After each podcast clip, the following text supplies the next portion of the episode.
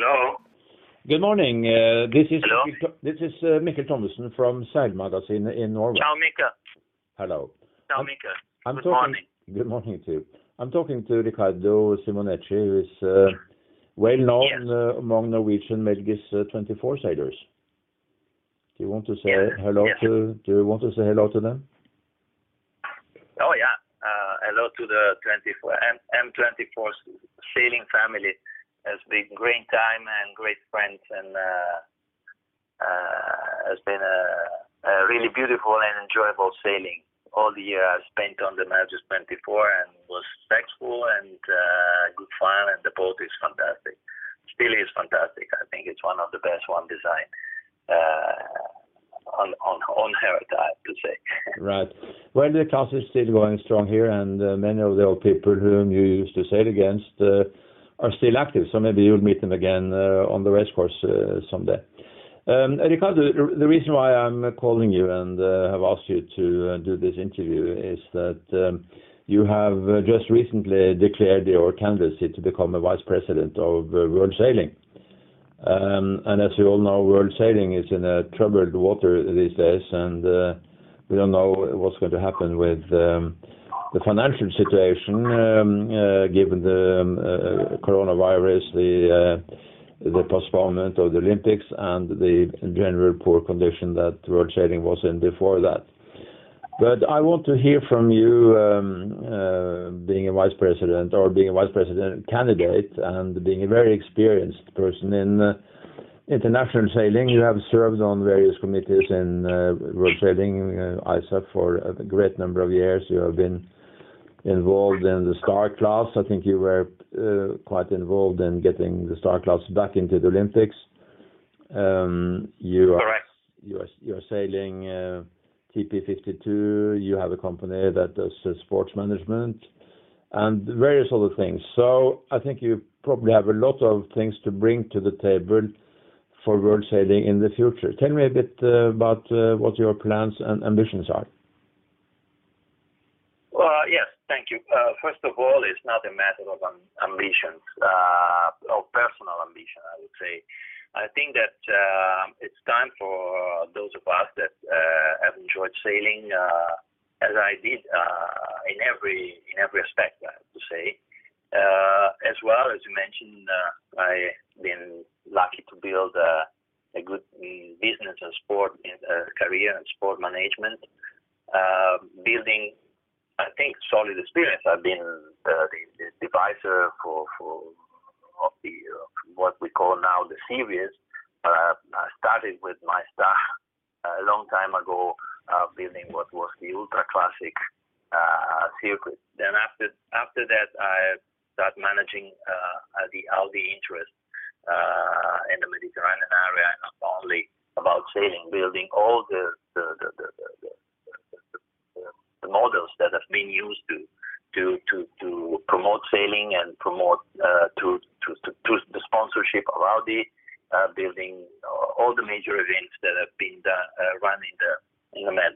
But I think that because of this experience, it's time for the people that has made similar experience to step forward and and to offer their services to, to to to the sport, because we have to protect the sport we all love. We have to support it.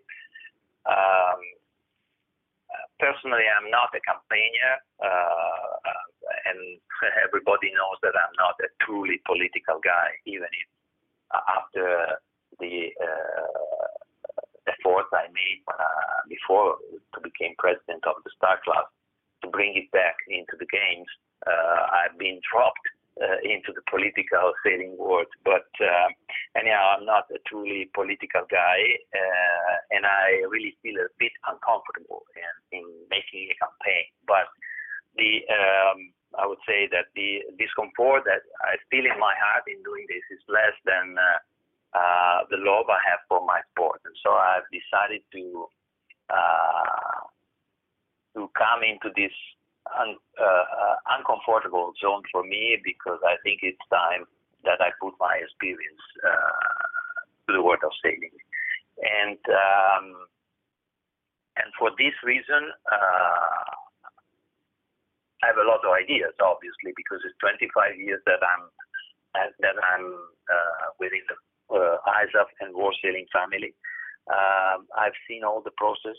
I basically listened to all the story. I've I've seen all, all the events and happenings along these years, and I think that uh, we definitely have lost some focus on what we should do as an international federation. And uh, if I have to say, the first goal for me is to refocus the federation on the fact that there is a big competition around the world. Every sport, every different sport is trying to improve his presence and to be attractive for the young generation. And uh, so we should do uh, with the International Sailing Federation because we really uh, we really need to uh, to uh, sorry there was a several call going into the phone.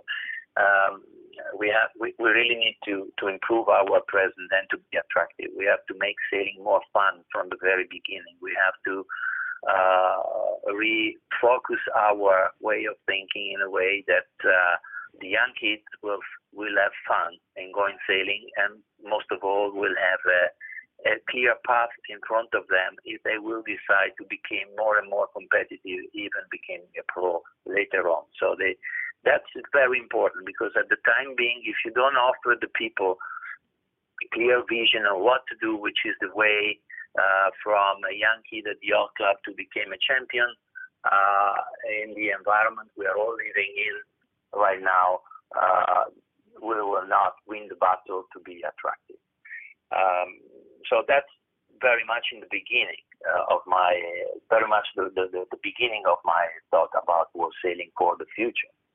Um, then you mentioned about the financial situation. Uh, it's just one of the problems. It probably at the moment is the main problem. And for this reason, I think that uh, world sailing 2.0, that that will be the new world sailing anyhow after the next election We'll need skilled people uh, in the board. We'll need uh, a group of, I would say, friends uh, that has the skill, a trackable record of delivery in the world of sport, uh, because it will be difficult. It will be difficult for all the federation. Uh, the COVID-19 uh, has done a part of it with the postponement of the Olympics, but for world sailing was not that the method because world sailing was already in shallow financial water before of the COVID. So we will have to face a future that will be different. That will not be big money. That will probably be contingent in in traveling, uh, a complete new era for for for a while. Uh, not talking about the fact that in the better scenario we will have uh, we will have uh, two Olympic Games in three years. So two quads, one overlapping the other one, and that's also a matter that really changed the game for what will be the Olympic uh, classes set up in the next next year. So these are some of the the things we have to face immediately, and uh, it is important that we uh, build an environment of trust and transparency because it will not be possible to make good decisions for the sport if the environment is different from trust and transparency. Uh, Riccardo, you um, uh, are talking about uh, the Olympics, um, and is that the utmost importance for world sailing to concentrate on the Olympics, to choose Olympic classes, and should they be more concerned with recruitment, with other types of sailing, recreational sailing, ocean racing, Grand Prix racing as well? Yeah, no, it's a very good question. Sorry. Uh, that's a very good question because that's another point that it's important for the future. Um, war sailing, or as before, has always been focusing on the Olympic sailing for two simple reasons: because the federation are focusing on that, and because the Olympics are uh, our main, uh, I would say, customer. Uh, from the Olympic. Every international, yeah, source of income because it's uh, uh, from the Olympic Games is where you get the most money in, in, in every international federation. So that so said that it may understandable the interest. I think that we completely lost the focus, and also we have lost the possibility to deal with other possible sources of income for the federation because there are plenty of sailing around the world, plenty, plenty of sailing around the world that basically is not very much represented within within World Sailing. Uh, this includes from the uh, optimist, I would say, from the kids starting their career to the biggest events like the America's Cup, uh, uh, the uh, Ocean Race, and many other huge events uh, that are said professionally around the world, and that they sometimes are, or not sometimes, uh, I would say quite often, uh, are much more recognized by the the international media and the normal public than the Olympic Games. And I think we we, we are a federation that is that has to cover globally the the sport of sailing, including every kind of event, and obviously uh, taking in high respect uh, the Olympic Games uh, because of the reason I said before. But this is one uh, other point. There are many, but this is one of the other points we have to refocus. We have to uh, bring back in our family uh, all the beautiful sailing and the most important and visible sailing that is around the world and uh, in, in at different levels. The offshore, the, the as you said, the Grand Prix, uh, the, the many uh, uh, activities, the match racing, many activities in the diversity of our beautiful sport that uh, has to be more focused. And you can see that when you look at the uh, World Sailing Award, the Sailor of the Year award. If you look back, I would say that the 95% is dedicated to the Olympics. So it speaks by itself. You know, uh, the rest uh, of our sport is not as much considered as it should.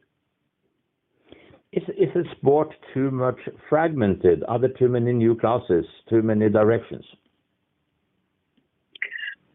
Um, this is a very uh, this is a very old story. Um, if I have to analyze our sport, uh, I would say that uh, uh, yes, the answer is yes. But because we are focusing on classes, if you if you think about our sport uh, just as a brainstorming, you may say that our sport is represented by inshore race, offshore race, match racing, if you want to make a declination of that, and boards.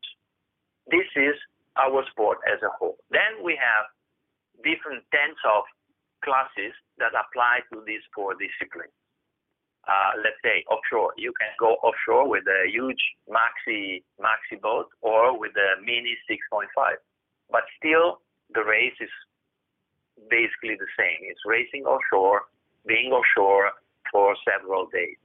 Then you have inshore, and inshore you have a huge variety of different kind of boats that basically are doing the same thing. They are racing in uh, close water around the marks, uh, several regatta per day, but with different kind of classes of different kind of boats, but the, the race is mainly the same. Then you have the board, right, or or, or uh, surf, because they are one of the kind. And if you want, you can take out from the inshore, you can take out the match racing because it's a different kind of discipline. These four are sailing.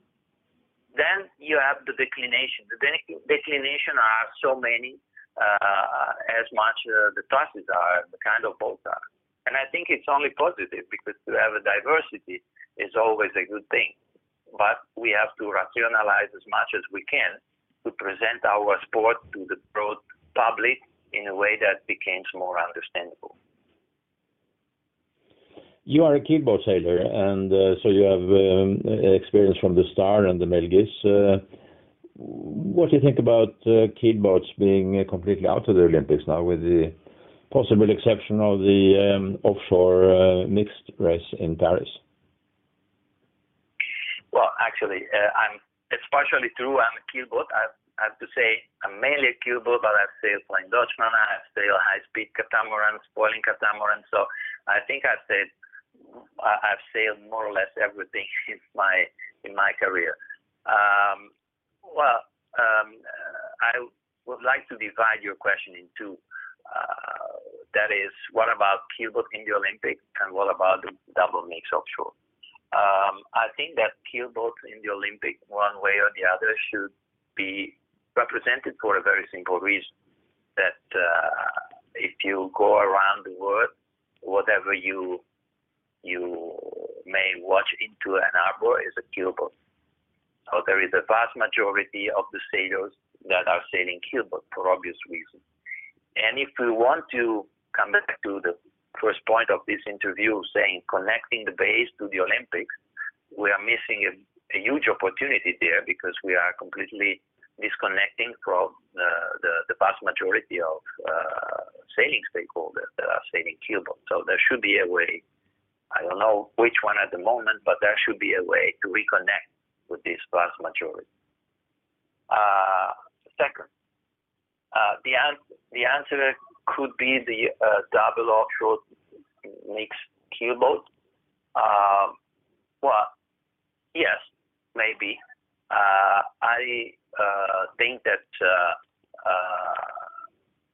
we we came to this decision within World Sailing with a very weird process I think that uh, uh, because most of the federation are really focused on on uh, on on the Olympics, namely on the dinghies, the whole process of the selection of this discipline has been not very effective, uh, and we didn't mm, took in charge a lot of uh, different problems that should have been better uh, examined before to make that decision.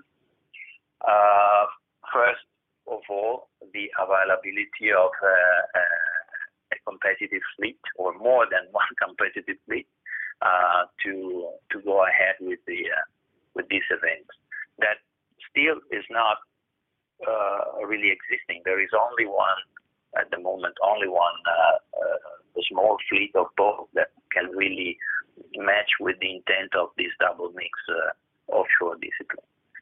Beside of that, I tested. Uh, I was one of the very first one to test the event uh, uh last October. Uh, we organized this European uh, from Venice to Trieste and then the Barcolana.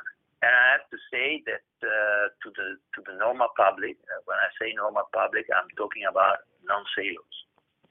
that one part of the public we have to think for, uh, was very attractive.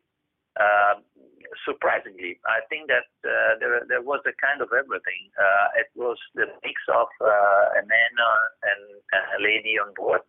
Uh, so a relationship we all of us experience in their life. it was because it was possible to get some footage from the guys sailing in the night uh, so it became very mediatic, very understandable, and very attractive for for for the people. So there is there is a lot of positive in that event, but it should be uh, under the control of the federation because it will be expensive. So there should be definitely a way to keep cost under control in an effective way, uh, and also it will be not easy to um, to have good fleet at the level of an Olympic discipline. So that that are standardized, standardized in terms of hull, equipment, and mainly the sails uh, around the globe to have proper selection and proper events. So there are a lot of downfalls still to be solved, but uh, I think that uh, in terms of uh, media, it may work quite well and serve the idea of promoting the sport. You you said that uh, the majority of boats uh, all over the world in the harbors and everywhere are keelboats, which is of course uh, true. They're not always racing, but still keelboat is a very important part of sailing. Um, the star is uh, now out of the Olympics. Yet it seems that the star class is uh, enjoying very good um, uh, success at the moment with the Star Sailing League and Bacardi Cup getting more people than ever. Um, wasn't that a mistake to take, even though it's old, it is still a very modern keelboat out of the Olympics? Uh, I have to say two things on that. One thing is that uh, uh, when I'm saying that the keelboat, uh, as you well pointed out, not uh, very spread around the world, even if not used for, for racing. But that is the same effect for the fan of the Formula One. No? Everybody of us is driving a car, is not racing on a circuit. But that's good enough to, when you watch the Formula One Grand Prix as a TV, to have a, a straight connection with the feeling the pilot may have racing the car on a Formula One Grand Prix, because you know about driving a car. You are made, making that experience every day. So then your mind can, in some way, try to understand and get astonished of the speed and the risk and blah blah blah because you have a connection. So this is a good point in between the connection of the keelboat with with uh, uh, keelboat racing at the high level. Even people that is not racing but is sailing in the summer with keelboat may have a good connection. What does it mean to make a maneuver and uh, what could be the feeling on the boat. Then about the star class, uh, I'm a life member of the Star Class. Uh, being the president, I brought it back into the Olympic. I defended from the from the stalling attack. So uh, I think uh, part of my life has been dedicated to that. Uh, but I think first that, uh, like many other classes, as soon as you drop out from the Olympics, you have a period of time in which the people feel confused but after that, most of the fun of the classes remains in the class and uh, it even improved because cost diminished, less competition, uh, and so everything became easier and more affordable, and that normally increased the number. Every time you you you push to the limit and to the top, you limit the number, but that is physiological, I think. Uh, uh yes, it's leaving a period of very high success, but that's introduced another argument. So we have to look forward events that are self-sustaining. And for me, self-sustaining uh, doesn't mean to have a, a mentor that uh, has decided to invest a lot of money to to to make something work. It, it should work by itself. There should be a good economic circle. That means that you have events that are able to attract attention, that are able to attract uh, uh, financial support from the market so that they became self-sustainable. Uh, uh if you have a team, let's say uh, a racing boat or, or, a team that uh, base its finance only on on the passion of a, of a super rich guy that buy buy the boats, pay the teams, and yeah, that team is maybe in a very good position to to perform well, but it's not uh, uh, living of its own. It's living on the interest of just one person, so it's at a big big risk because when that people decided to stop for whatever reason, the team will stop. It doesn't build any kind of uh, uh self-sustaining attitude um, then uh, the Star is still a, a, very good boat, but it's an old boat. Uh, I have to say that uh, what bothered me when we uh, drop out the class from the Olympics is that we are not dropping the boat, but we are dropping the culture and the spirit of the class that has been built for years and years and years uh, and we are obliged to rebuild our heritage one more time within a new class. What I want to say with this, I want to say that when the class or the Finn or very old classes has gone out of the Olympic because we are focused not on the discipline, but we are focused on the boat. We have took out the boat from the Olympics, and with that boat, we also took out the heritage of 100 years, the story of sailing within the Olympic, and we, and we have to rebuild it on the new classes. And I think this is wrong.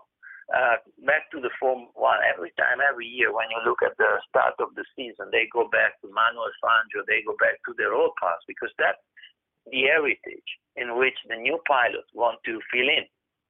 So we should find a way not to be so focused on the class, sorry, not so focus on the boat, but focus on the class culture. And I have to say about the Star, well, I've been in many different classes, but the culture of the star class, the fairness, the level of the champions uh, of, of, that class has been uh, one of the very uh, unique uh, example of a very high level uh, history of sailing. So it, has been a pity to lose to lose that, not the boat. The boat is a piece of fiberglass. We may like it or not. We may think it's fine uh, it was definitely nice to sail. It is still nice to sail, but the boat became older.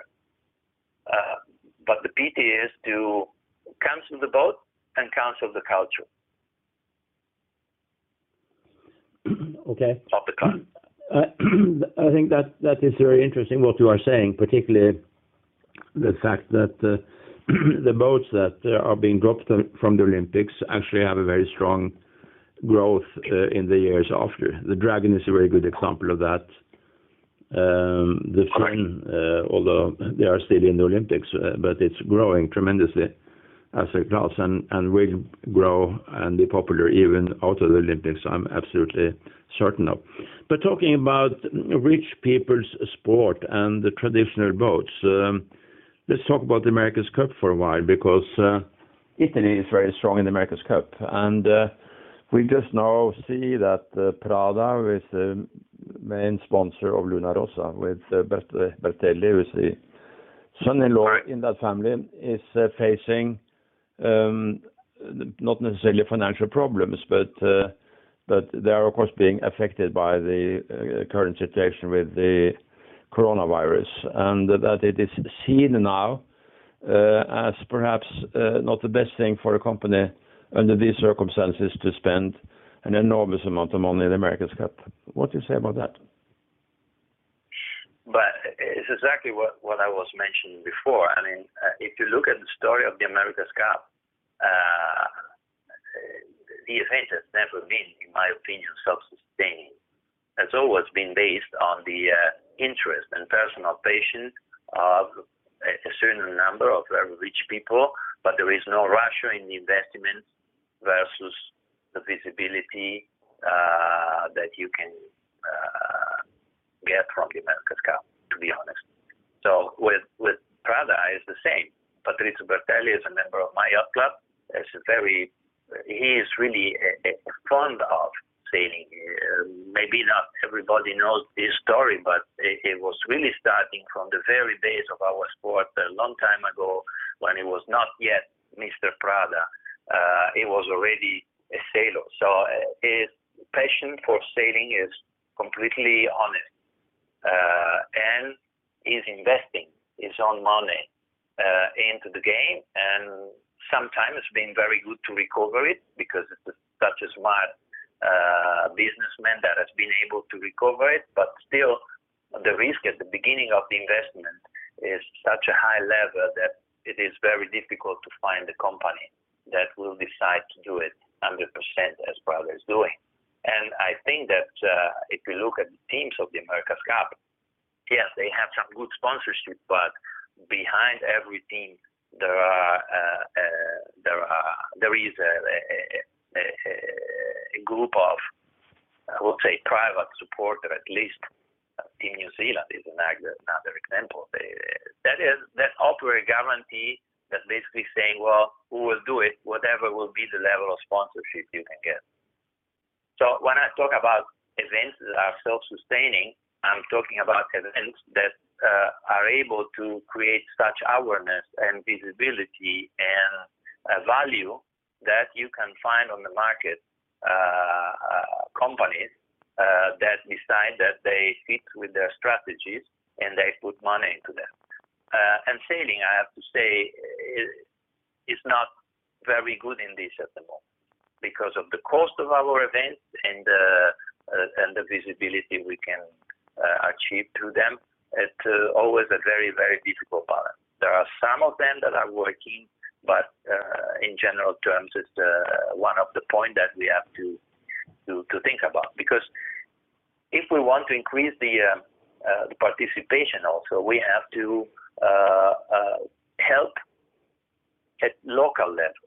We have to restart the economy at local level. I mean, I have nothing against the so-called monopoly boats because the purpose of that was in the beginning very honest and very intelligent.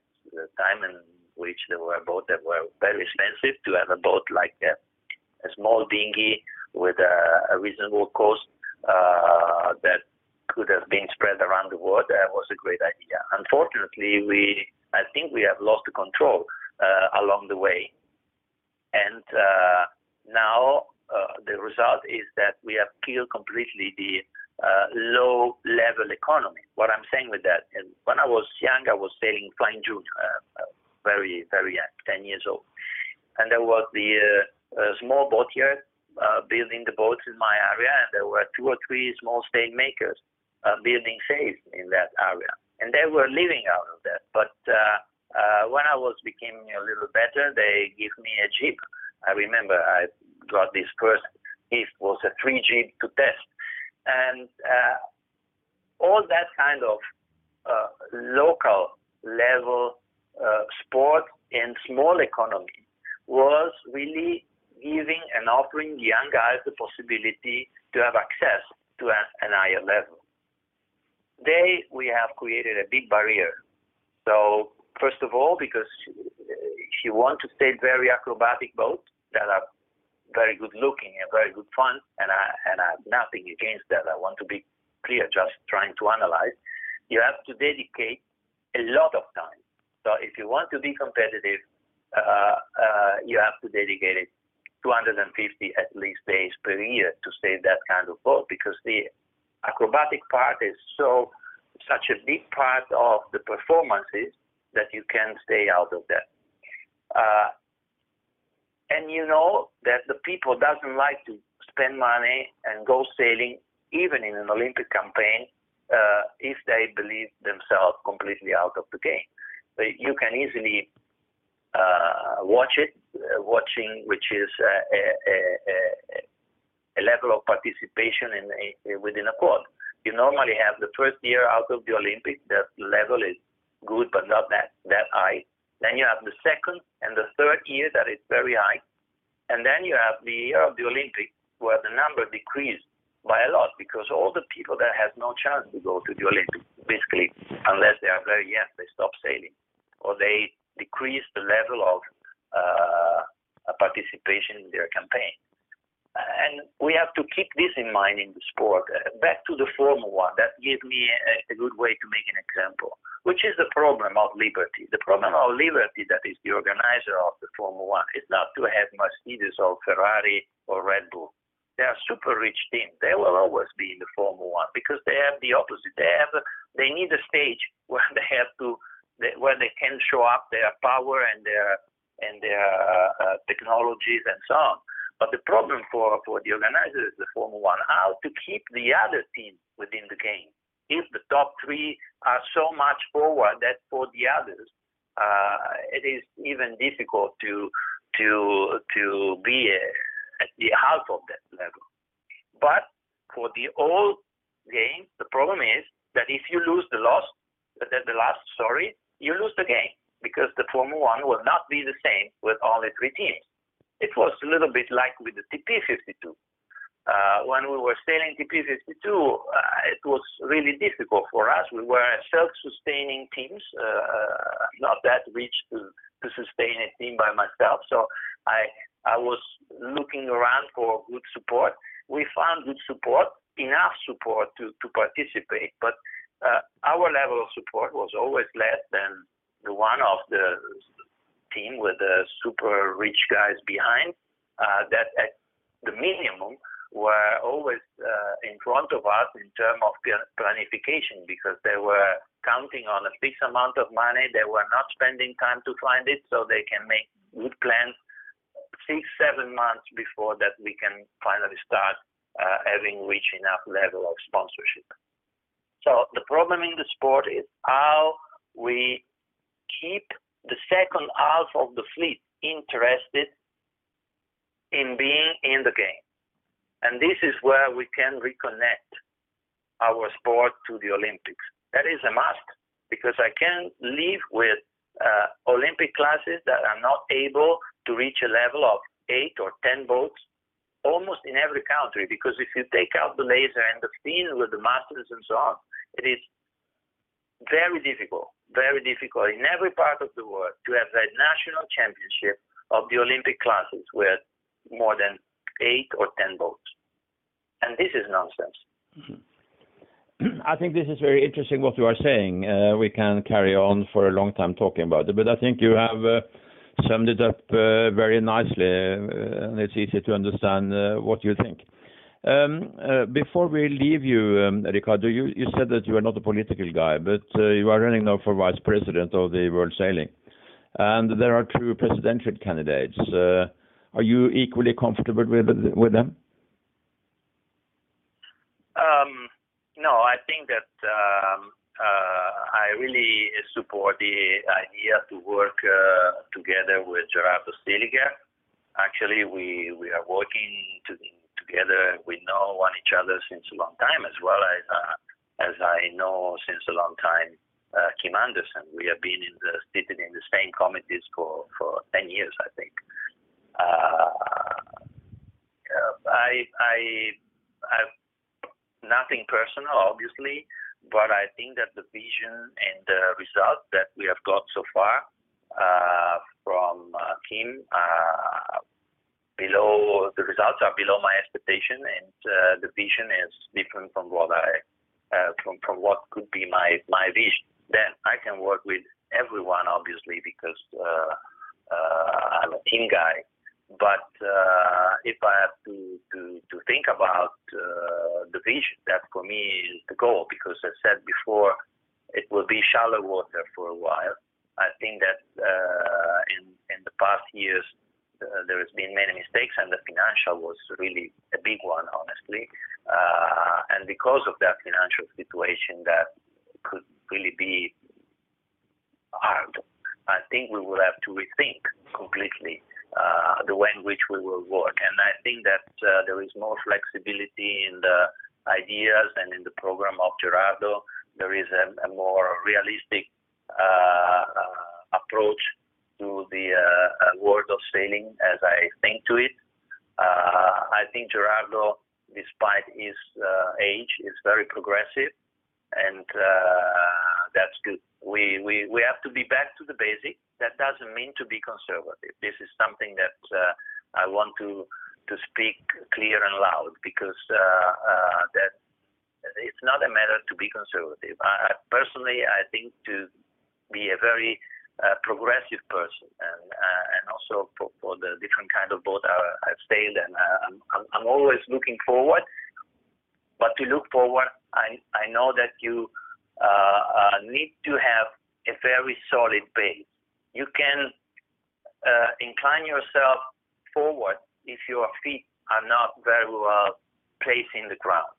So, and this is what we are missing now. And we can have that only if we rebuild, first of all, financial transparency, 150%. It should be total clear. The federation is not a company, it is a federation. And it's a very one of the kind uh, of management because it may work like a company, but on the other hand, it's a federation. So, as a political aspect, that means respect for the minorities. That means understanding of the different spectrum of sailing worldwide. You can only focus on one piece because that's not the case. It's not a company. But then you have to progress. But progress doesn't mean to cancel your past because if you cancel your past, you completely lose your heritage. And when you lose your heritage, you lose your identity. That is exactly where we are at the moment. if you talk with people that is not a sailor about sailing, that's the exercise I would like to see the next board doing every single morning. I'm not interested in convincing the sailors. I want to to present my sport to the rest of the world, trying to be attractive. And this is another point because if we don't do like that, we will continue diminishing the number of practicants.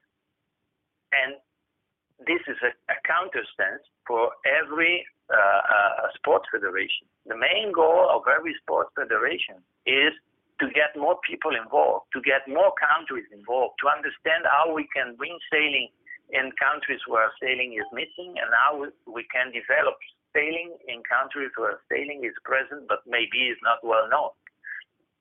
And it, it, it, it's a completely different uh, it, it's a completely different job from uh, running a company. It's one of a kind. Uh, I think that uh, uh, from what I heard so far, Gerard is presenting the best uh, proposal, but it's still a long way. Maybe there will be someone else coming up. Uh, you know, the uh, the uh, deadline for the candidature will be some somewhere around the beginning of September.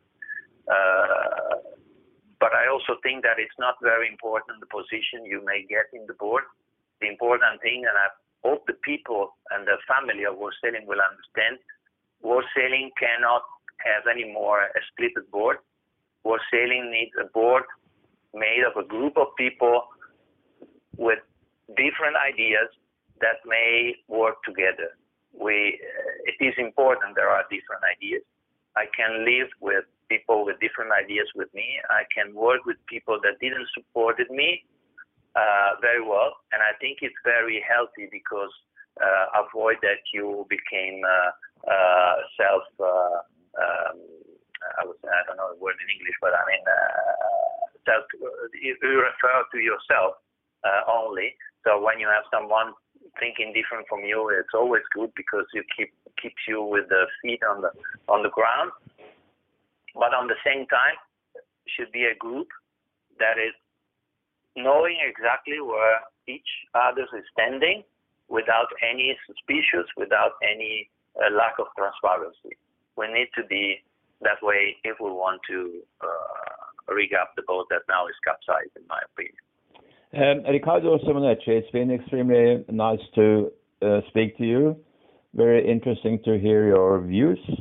I hope that you will get a chance to uh, um, work on these ideas and that you will have a good campaign. Uh, and um, I'm sure we will speak again. Thank you, Mikael. Thank you very much, and uh, a big hello again to the J/24 people up there in Norway. There is a strong fleet. Uh, I always uh, had fun sailing in your home water. Has been always great. I love your country. Thank you so much, and have a good day. Stay Thank safe. You. you too. Bye bye. Bye bye. Thanks.